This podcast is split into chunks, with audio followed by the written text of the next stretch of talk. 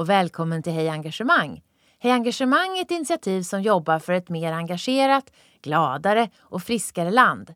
Vi vill att människor ska få möjligheten att jobba med saker de brinner för.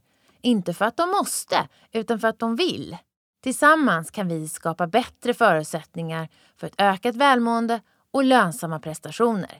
Med Hej Engagemang får du träffa inspirerande personer som ger tips och insikt i hur du kan nå bättre resultat på jobbet och samtidigt må bättre. Nu kör vi!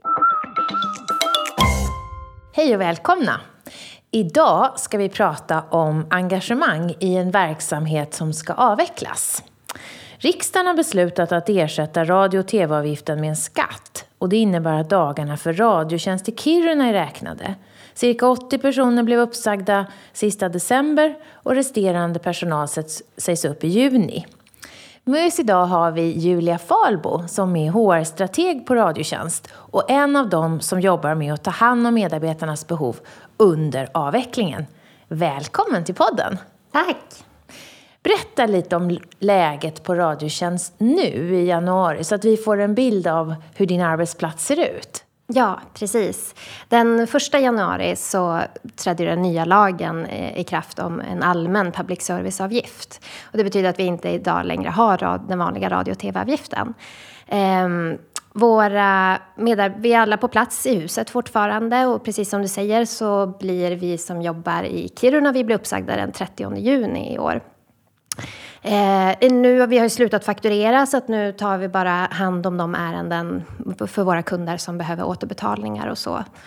Eh, vi tror, eller det är en viss arbetsbörda just nu men ganska snabbt så kommer vi behöva börja arbetsbefria våra medarbetare eh, eftersom att det inte finns någonting mer att göra helt enkelt. Så det kommer vara att göra januari och februari och sen, sen kommer det bli väldigt lugnt tror vi. Hur många medarbetare pratar vi om?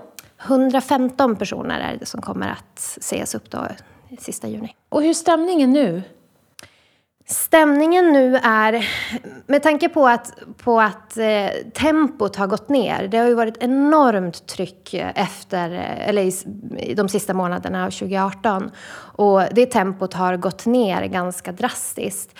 Eh, så att stämningen är bra. Det är fortsatt, vi har haft en väldigt bra och, och, härlig tid på många sätt. Samtidigt som det har varit tungt såklart för många medarbetare att ha det här eh, kommande. Men eh, det är en bra stämning men det är ganska lugnt nu och alla väntar lite grann på vad som, hur framtiden ska bli skulle jag tro. Mm. När är du som mest engagerad på jobbet? Oj, eh, det är en bra fråga. Eh, först skulle jag säga att det är sån... Eh, jag hamnade på det här på ett bananskal. Jag, jag började plugga och visste inte riktigt vad jag ville göra och bli. Och, men när jag började jobba som HR-generalist på Radiotjänst så tog det i princip en månad och jag förstod att alla frågor egentligen inom HR det triggar mig så enormt till så mycket arbetsglädje och lust. Och, eh, jag, det finns nästan ingenting som jag tycker är tråkigt. Vad är det som triggar dig? Ja, det är precis det som jag funderar på. För att jag tänker så här, eller först vill jag säga så här att när jag, eftersom att jag har fått känna den här känslan av att vara, tycka det är så otroligt roligt att jobba och få hålla på med det jag gör, så känner jag idag så här två år senare att det är nästan mitt ansvar att hjälpa folk i min omgivning eller i det företaget jag jobbar att faktiskt få känna de känslorna som jag också har fått känna. Att liksom sprida det vidare. Och då är det ju sån tur att jag sitter i en HR-roll där det faktiskt är en del av min, min, mina arbetsuppgifter.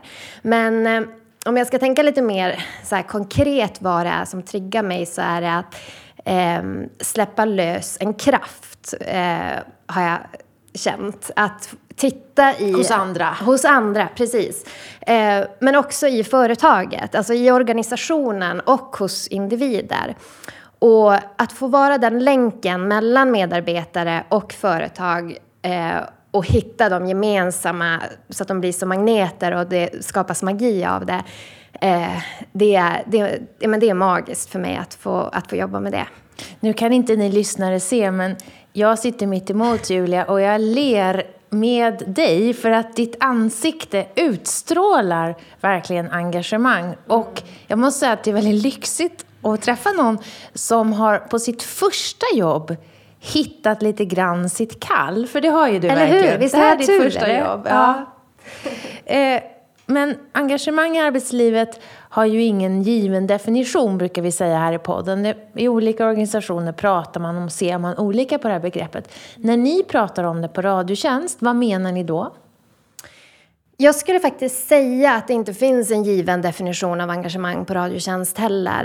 Eh, när jag var alldeles ny så hade jag jättemycket funderingar över vilket ledarskap som bedrivs av Radiotjänst, vad har vi för gemensamma tankar, hur ser vi på medarbetare och engagerade medarbetare. Och jag, jag fick som inte riktigt, jag var ju så ny men jag ville så gärna få reda på vad är det jag ska hjälpa till med och vara en del av. Och då var det faktiskt så att vi, jag och en kollega vi samlade ihop hela chefsgruppen. För vi tänkte att vi, vi vill kolla lite grann att vad är det som, vad tycker våra arbetsledare och våra chefer om engagemang? Och vi ställde frågan eh, vad är skillnaden? Hur ser vi skillnaden på Radiotjänst på en engagerad medarbetare och en nöjd medarbetare? Eh, och vilka förutsättningar har vi som skapar de vardera olika? Eh, och det blev en liten... Så här, det var, jag blev väldigt förvånad när jag ställde den frågan. Jag hade bara jobbat några månader då. Eh, och jag trodde att rummet skulle liksom bara pff, så här, spruta ut tankar och idéer och vad man ser och, och så. Eh, men det blev ganska tyst i rummet på runt 20 chefer. Eh, men vi försökte liksom och vi ställde mycket frågor. Vi började spalta upp att hur, hur utmärker sig en nöjd medarbetare och hur ut, ut, utmärker sig en engagerad medarbetare. Eh, och vi fick svar, vi fick liksom fulla listor. Eh, men jag märkte att det fanns en ovana i att prata om de här frågorna. Och ännu mer förvånad blev jag också när för det var, absolut fanns det chefer som sa att ja, men, jag i mitt ledarskap, jag vill göra allt för att mina medarbetare ska vara engagerade och därför så gör jag det här och det här och det här. Men så fanns det också några chefer som sa det att jag vill inte ha engagerade medarbetare. För det är lite läskigt med engagerade medarbetare. De rör ju på sig och de kanske inte riktigt stannar i organisationen om, om inte vi kan erbjuda dem det de vill ha och så. Och då insåg jag att oj, här har vi lite olika tankar om det. Samtidigt som jag inte var orolig för andra sidan, för jag såg ju och ser fortfarande idag en massor av engagerade medarbetare. Eh, men jag tror bara att själva att prata om det har inte varit naturligt för Radiotjänst. Men ändå så sker det ju. Så klokt att bara ha ett möte med den typen av direkt fråga. Precis. Tror du att det handlar om att man inte förstår också vad som bygger och skapar engagemang? Precis, så tror jag absolut att det är. Um, och jag vill säga också att varför vi också skapade det här mötet var, det var när förslaget om, om eh, eh den nya skatten eh, kom. Eh, så tänkte jag och en kollega som är strateg och verksamhetsutvecklare att hur ska vi börja förbereda för ehm, det här året där vi kommer gå runt med ett förslag. Det kommer skapas en massa oro ehm, och medarbetarna ska bara gå och vänta på information som aldrig riktigt kommer. Och vi kommer även också ha en massa chefer som inte har någon information att ge men som kommer vara tvungna att ge en massa information.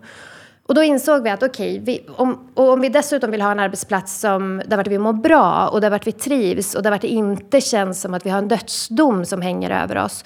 Så var då våra tankar att vi måste titta på hur vi kan vässa organisationen för att ska ge de bästa möjliga förutsättningarna för engagemang. Eh, för att medarbetare ska känna att de kan vara med och påverka under den sista tid vi har. Att de kan vara med och bidra och känna att man gör sin del av, av jobbet för att skapa en bra arbetsmiljö. Så det var egentligen där, där också det startade med att, att vi, vi frågade att vad behöver vi göra? Vi gjorde en genomlysning av organisationen. Var brister vi och, och så. så Om vi bara går tillbaka mm. till mötet där du samlade, vad var det, ett 20-tal chefer och arbetsledare. Precis. Och kan du säga vad, vad blev slutsatsen mellan eh, vad är en nöjd medarbetare som är ja, nöjd men vad, och en som är mer än nöjd, en som är engagerad mm. och engagerad också i Radiotjänst verksamhet. Mm. Men vi kan ju vara engagerade för att vi är sådana men det här är ju kopplat till verksamheten. Precis. Vad, vad blev slutsatserna av det där mötet? Eh, jag skulle säga att den tydligaste slutsatsen blev att det är de medarbetare som ser utanför sina egna arbetsuppgifters gränser och sin egen roll. Att man ser till hela, hela organisationen och att man ser eh, försöker ständigt se förbättringar och att man faktiskt gör sin röst hörd. Att man inte bara tänker saker och låter det vara inne utan är aktiv och engagerad då, eh, och pratar med, med människor. Och varför gör de det? Jag tänker att så här är det med, med Radiotjänst. Vi, vi alla vet ju hur viktigt det är med ett tydligt syfte i en organisation för att liksom skapa riktigt engagemang. Eh, jag har ju verkligen haft turen att jobba på ett företag som har haft ett otroligt viktigt syfte genom att vi, vi har varit med och, och, hjälpt till för public service och skapa förutsättningar för public service. Eh, det kan nästan inte bli ett viktigare och tydligare syfte i det demokratiska samhället, den typen av organisation. Och när man ser också idag, och det har jag också märkt i rekryteringar som vi har gjort på senaste eller de senaste åren, att, att unga människor som kommer in, det här är jätteviktigt för dem. Det är jämställdhet, det är demokrati, det är, det är de här bitarna. Och det har vi ju haft. Eh, så jag tänker att de jag, kan, jag ser daglig, eller i all, på alla avdelningar och alla grupper så, så, är det här djupt rotat i medarbetarna att det är ett viktigt uppdrag att försvara public service. Men ändå går ju inte alla utanför Nej, sin precis. Eh, väldefinierade arbetsuppgift. Nej, exakt. Och, Har det med förmåga att göra eller förutsättningarna? Jag tror att det är vilka förutsättningar vi som företag eh, skapar och där vart ledarskapet är, är en av de absolut viktigaste mm, nycklarna för det. Att vi ser medarbetarna och skapar för varje enskild individ vad behöver du för att, för att utvecklas och, och, och få. Så eh, det... Ja, du fick ju svaret att vissa ledare höll tillbaka sina mm. medarbetare också. Ja, precis. Nu har ni levt med avvecklingshotet under lite mer än ett år.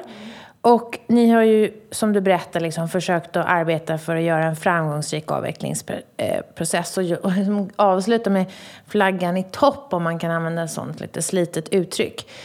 Ska du berätta mer då om vad ni konkret har gjort? Efter ni gjorde kartläggningen eh, så har ni ju startat ett antal initiativ och, och, några av dem har ju gått riktigt bra. De vill vi höra mer om. Mm. Vad är det viktigaste ni har gjort? Um det viktiga, jag ska säga att vi har gjort två saker egentligen. Eh, ganska snabbt så insåg vi att eh, det är väldigt få saker som vi kommer kunna påverka i den här situationen eftersom att beslutet ligger i händerna i, hos dem i riksdagen.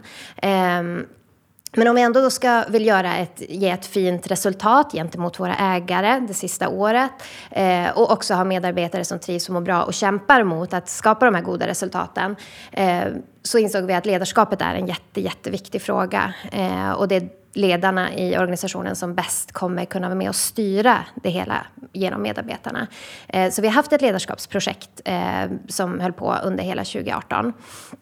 Eh, men sen gjorde vi också en, en jättestor förändring på en, på en av våra största avdelningar som är kundservice.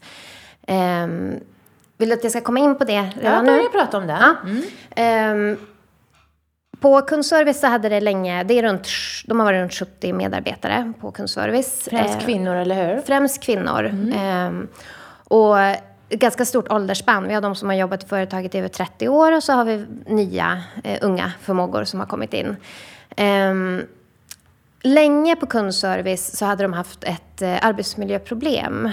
Um, där medarbetarna kände sig ganska styrda och kontrollerade i form av schema och mål. Och, eh, det var veckovis uppföljning som man blev skickad på mejl. Och, och, det var ett enormt tryck gentemot, från medarbetarna och från facket framför allt gentemot arbetsgivaren. Eh, där vart man egentligen efterfrågade mer delaktighet och få större inflytande eh, och så. Och i början av 2018 så, gjorde, så, tog man tag i det här på riktigt och frågade bara, men vad är det ni vill att vi ska förändra egentligen? Vilka tog tag i det? Eh, arbetsledningen egentligen på mm. kundservice. Eh, och det gjordes en, en, eh, en massa workshops och bikupor på kundservice där vart man efterfrågade vilken förändring vill ni ha? Eh, och efter det var gjort så fick jag det i knät från, från, eh, från eh, avdelningschefen och sa att det här är de problemen vi har. Ser, kan du se någonting? Vad kan vi göra åt det här? Um, och då satte sig jag och en, en kollega tillsammans och började titta på det här. Och vi gick igenom sida efter sida och vi såg att det var ständigt återkommande det här med delaktighet och inflytande. Och, um, det, tog, det gick väldigt snabbt egentligen för oss eh, att hitta en, någon typ av lösning på det hela. Eh, vi kände att det var dags att byta ut kontroll mot tillit. Och jag var ju fortfarande också då ganska ny från skolan och det jag, när jag läste på universitetet och, och hade en, en eh, psykologikurs eh, så jobbade vi mycket, eller läste mycket om team. Eh, som jag kände var ganska snabbt en lösning på de här problemen. Eh, och då började vi egentligen raskt att liksom börja bygga på att hur skulle, hur, skulle kunna, hur skulle vi kunna implementera det här på Radiotjänst? Och på en avdelning som har jobbat enligt samma struktur i ja men, typ 30 år eh, med ett högt individuellt fokus. Eh, så att vi började snickra samtidigt som vi kände att, för det här var ju ett projekt för att skapa delaktighet och få mer inflytande. Så vi ville skapa ett ramverk men vi ville inte att det skulle vara för styrt för vi ville skapa en projektgrupp där vart handläggare var med och där vart facket var med och en, en chef och, och, och jag och Marcus, min kollega. Eh, så vi skapade ett ganska löst ramverk men med, med liksom någon grund eh, någon grundform helt enkelt. Eh, och så kallade vi till ett eh, projektteam. Eh, och vi presenterade, jag förklarade från den arbetspsykologiska forskningen vad det här har för fördelar och varför det här skulle kunna vara svar på de problem som finns. Eh, och så gav jag såklart en massa förslag också på så här tror jag hade varit bra att göra och det här ska vi tänka på och så. Och vi jobbade extremt aktivt i eh, ja, men kanske två, tre veckor med att bygga upp en, en, en form som vi kände att här kan ett pilotteam sätta igång och testa börja jobba enligt det här nya.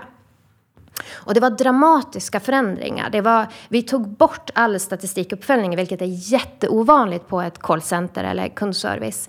Um, vi tog bort... Hur många du har ringt, hur många ärenden du har hanterat. Man mäts väldigt ja. sådär nästan ackordsmässigt ju på en Precis, kundtjänst. Precis, mm. exakt. Och jag tyckte bara det var lite roligt, jag säga en liten passis här, men eh, när jag kom till företaget och såg det, jag vet ju att det här är vanligt på, kund, på kundserviceavdelningar, men jag blev ändå så förvånad över att det var så. Och jag kände ju att det här var ju så 1800-tal och typ tidsstudiemän som gick och klockade anställda och hade så mycket mätningar och uppföljningar och det kändes, det kändes konstigt för mig eh, att, att se det.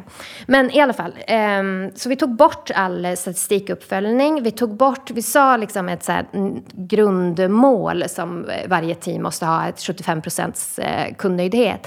Eh, men sen var det upp till varje team att vecka för vecka sätta sina egna mål.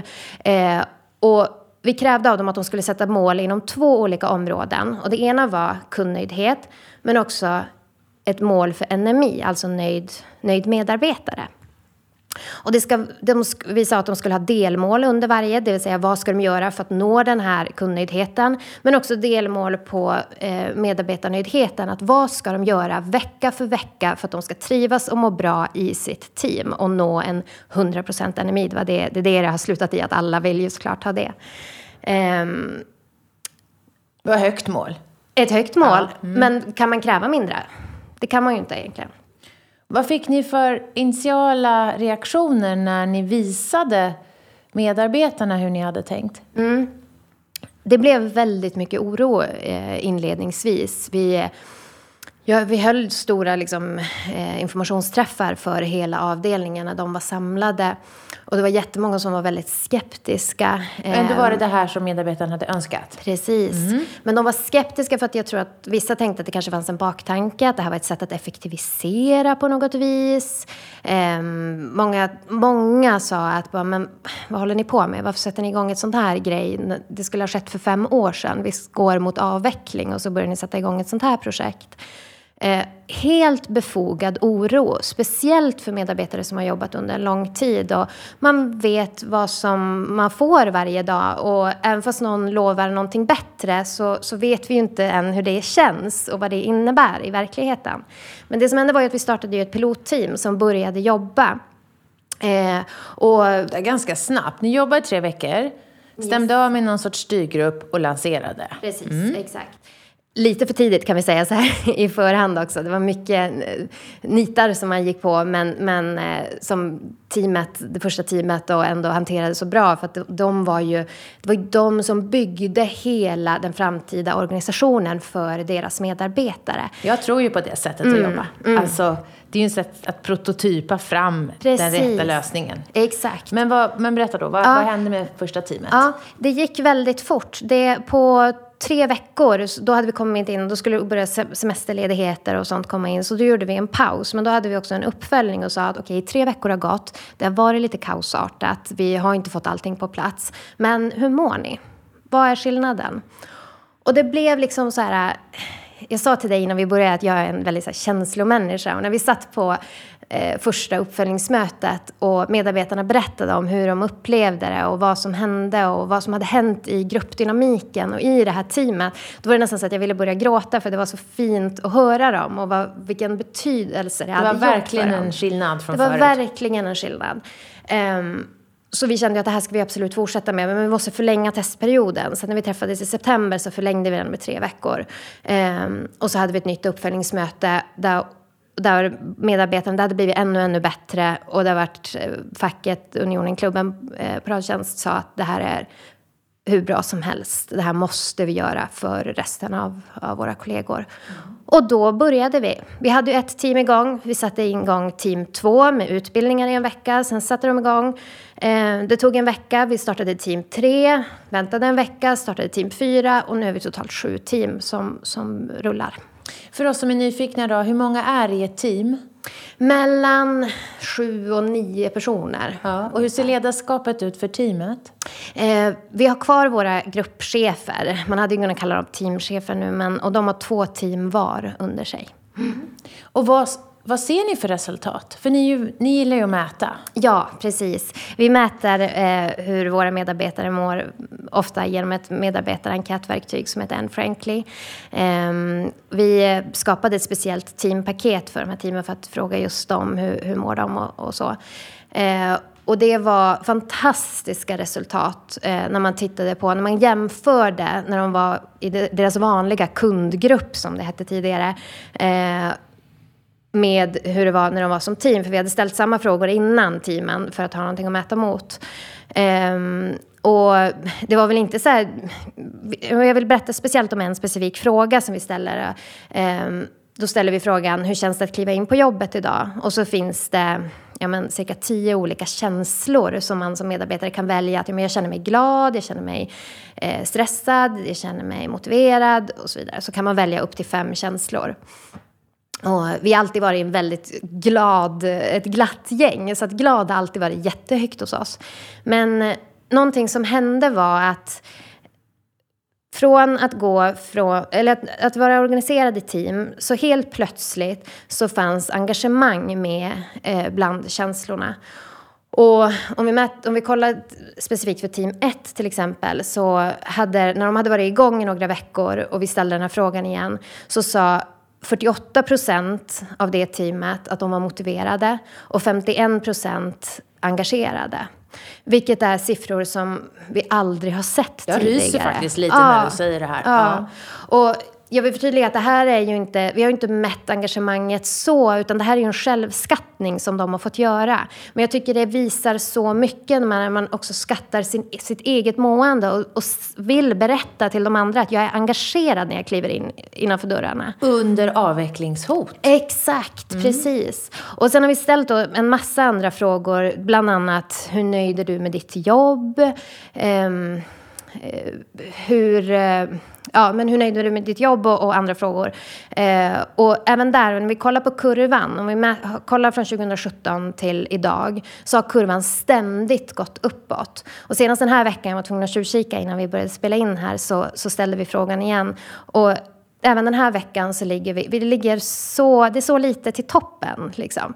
Sen vill jag också säga att det här är det vi vet också från vad forskningen säger om att det, det är det här som händer många gånger när man är under ett avvecklingshot. Man, man binds samman och man, man, vi har ju bara varandra i det här. Mm. mm. Kan du reflektera någonting över vad det är det enskilt viktigaste som gör att medarbetarna går från glada till engagerade? Jag skulle säga att det är... Vi har flyttat eh, ansvaret för den egna arbetsmiljön och det egna måendet på jobbet från att ha legat 100 egentligen, egentligen inte, men hos chefen till att tydligt berätta till medarbetarna att det är ni som ansvarar över hur ni har det. Och ni att måste, de har fått mandat? De har fått mandat, precis. Och de måste, de måste jobba aktivt, alltså skapa actions i deras egna team för att, för att det ska hända någonting. Vad har hänt med verksamheten då? Om, mm det, här, det går ju att göra det här men inte ha någon direkt ingen påverkan på verksamheten. Vad ser ni där när ni mäter på kundnöjdhet och på mm. produktivitet? Precis. Först och främst vill jag ju säga att vi har ju varit igång under väldigt kort tid så vi har inte jättemycket liksom siffror så på vad som har hänt. Men det vi har sett i alla fall, det, såklart blev det en del längre handläggningstider när allt var nytt. Jag menar de skapade sina egna scheman bland annat och så vidare. Um, men vi har fått ett, en högre kundnöjdhet. Och det är det här jag älskar så mycket med engagemang. Och när jag, som jag sa tidigare, att släppa lös kraften. Alltså när organisationen och medarbetarna sammanstrålar och man då förstår som företag vikten av att skapa en organisation som ger förutsättningar för engagemang. För du får tusen betalt för det. det... De här ledarna och cheferna som du träffade i början av året, eller förra året, som du ställde frågan till vad, vad skapar en engagerad medarbetare? Mm. När de ser de här resultaten, till exempel de där som sa jag vill inte ha så engagerade medarbetare för då kanske de vill sluta. Mm. Va, vad är reflektionerna i ledningen när ni ser resultaten? Mm. Nu har vi inte haft eh, en sån djup reflektion tillsammans eh, i hela, hela, den här chefsgruppen. Det var egentligen den, den, träffen som vi hade där och då som handlade om det. Men eh, om vi tar de här cheferna som är på kundservice så ser ju alla det här att det, det har hänt saker och eh, endast till, till det goda såklart. Eh, och jag tror också för deras del, jag vill inte sätta ord, ord i deras mun nu, men, men eh, när vi gjorde den här eh, förändringen av organiseringen av arbetet så tror jag också att även deras uppdrag att gå, att faktiskt leda blev tydligare. Och, och vi har ju sett även siffror där i chefsgruppen att, att det har skapat ett ökat engagemang även hos dem. Om ni hade haft mer tid, för du, för du bubblar ju av idéer, mm. vilka mer tankar och, och idéer har du kring hur just kundtjänst skulle kunna utveckla verksamheten? Mm. Eh, jag tänker att det, det finns jättemycket vi hade behövt fortsätta. Jag, jag sörjer på riktigt att jag ska lämna det här och att vi alla ska lämna det här och att vi, inte, att vi måste sluta nu. För att det är verkligen, de är i sin linda och i sin början av det hela. Jag hade sett fram emot att få utbilda och utveckla personalen i allt från till att få en starkare feedbackkultur till att jobba tydligare med kompetensutveckling teamen emellan och, och i det egna teamet. Ehm, att, bli, eh, att, att också locka mer glädjen till ehm, att jobba mot högt uppsatta mål och vad det faktiskt kan ge och hur man jobbar mot ett, ett högt uppsatt mål.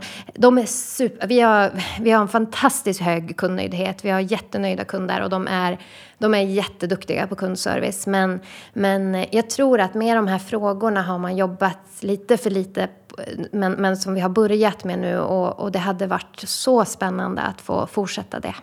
Och ledarskapsprojektet då, mm. som har gett fina resultat. Eh, vad, är, vad är ni mest nöjda med där, att mm. ni har hunnit åstadkomma? Mm. Jag tror att det vi är mest nöjda med, eller först och främst vill jag säga att jag är så, så nöjd med att vår organisation, när förslaget om, om avvecklingen kom, så gick det ett enda tydligt budskap ut från både vår styrelse men också ledningsgrupp.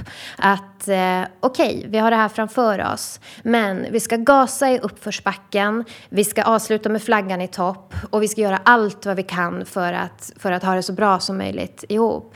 Och då började vi prata ganska snabbt i, eh, i vår chefsgrupp som vi har. Eh, vad är det vi kan göra? Hur kan vi, hur kan vi förbereda oss och så? Och vi såg det att ledarskapet är den enda, den enda biten egentligen som vi kan påverka. Och vi har chefer som är fantastiskt, de har lång erfarenhet och är väldigt duktiga chefer. Eh, och vi tittar på, för jag tänkte att jag vill berätta kort om vad ledarskapsprojektet var för någonting. Eh, vi tittar på vad är det för typ av, om vi behöver kompetensutveckla oss inom ledarskap, vilken inriktning skulle det i så fall ha? Um, och vi såg ganska snabbt att vi behöver kanske prata och bli lite bättre på att prata om kultur och om attityder och hur man kan styra genom attityder. För att det är ju så här att det, det sista vi ville, uh, det är ju att för att med, eller alla chefer sitter ju egentligen i exakt samma sits som alla medarbetare. En tid av oro, man vet inte vad som händer, vad framtiden ska föra med sig. Men då är det ju än viktigare att vi har chefer som inte sätter sig i medarbetarfacket utan faktiskt är chefer och leder genom den här tiden av oro. Så att vi hade ett, ett fantastiskt samarbete med ett, med ett eh, företag som heter Wildfire som, eh, som hjälpte oss att eh, bli bättre på det helt enkelt. Um, och som jag nämnde, Vad är den stora skillnaden? Den stora skillnaden... Jag tror kanske att den stora skillnaden var att tiden gavs åt ledarna att jobba med reflektion och att eh, eh faktiskt blicka mot ledarskapet och inse att det, det har en viktig roll. Um, jag vet inte om jag kan säga så mycket mer än, än det nu. Men, men det enda jag vet är, för det är som så svårt där eftersom att vi är fortfarande mitt uppe i det på något vis. Men om vi tittar på de mätningar som vi gjorde på chefsgruppen som jag var inne på kort tidigare så har det gett eh, även effekt där på samma sätt som hos de andra medarbetarna. Cheferna blir mer och mer nöjda med sitt jobb. Eh, man blir mer och mer engagerad och ja, det är jättefina resultat. Um nu under våren så handlar det ju 100 procent om, om avveckling. Och ni ser ju tyvärr slutet och du och dina kollegor på HR är några av de sista som ska, som ska vara kvar till slutet. Hur hittar du energi och mening nu? Det är ju faktiskt så här att sitter man på en HR-avdelning så är det ganska spännande det här som vi går igenom nu. Ehm, det är enormt utvecklande och lärorikt och jag är djupt tacksam över att jag får den här erfarenheten med allt vad det innebär. Ehm, så för mig personligen så, så, så är det inte svårt att hitta glädje och, och energi även i det här eh, skedet. Um, men såklart så, så när man ser på medarbetare som, som det här blir svårt för och tufft för och som man själv kan undra att, hur, hur ska vi göra med, med, med alla de här. Um, Samtidigt så känner jag att jag, vi har en så bra känsla i magen över att vi har förberett våra medarbetare för det här. Vi har hjälpt dem att göra dem än mer anställningsbara. Eh, vi har kompetensutvecklat eh, och vi har tagit vårt, vårt ansvar eh, som organisation på, på allra största allvar. Så att jag hoppas att det, det, alla kommer ha en lika ljus framtid. Du vet ju att du kommer att eh, jobba någon annanstans om några månader. Eh, eller du vet ju inte var ännu, du håller ju på att söka jobb. Men om du då börjar på en arbetsplats där en av huvuduppgifterna blir att som HR-specialist jobba med att öka engagemanget mm. hos medarbetarna. Vad kommer du börja med att göra då? Jag kommer börja med att titta titta på vilken möjlighet till delaktighet som, som medarbetarna har.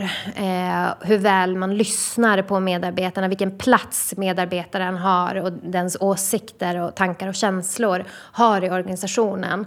Eh, det kommer också vara jätteviktigt för mig att veta vad ledningsgruppen har och kanske även styrelsen i vissa fall, eh, vad de har för tankar om, om medarbetarengagemang. Mm. Tack för att du var med oss idag Julia och eh, delade det här och jag önskar er lycka till och önskar dig personligen också lycka till. Tack snälla! Och så önskar jag den som anställer Julia i framtiden grattis! Vi hoppas att vi har väckt tankar om hur du kan bidra till ett mer engagerat Sverige.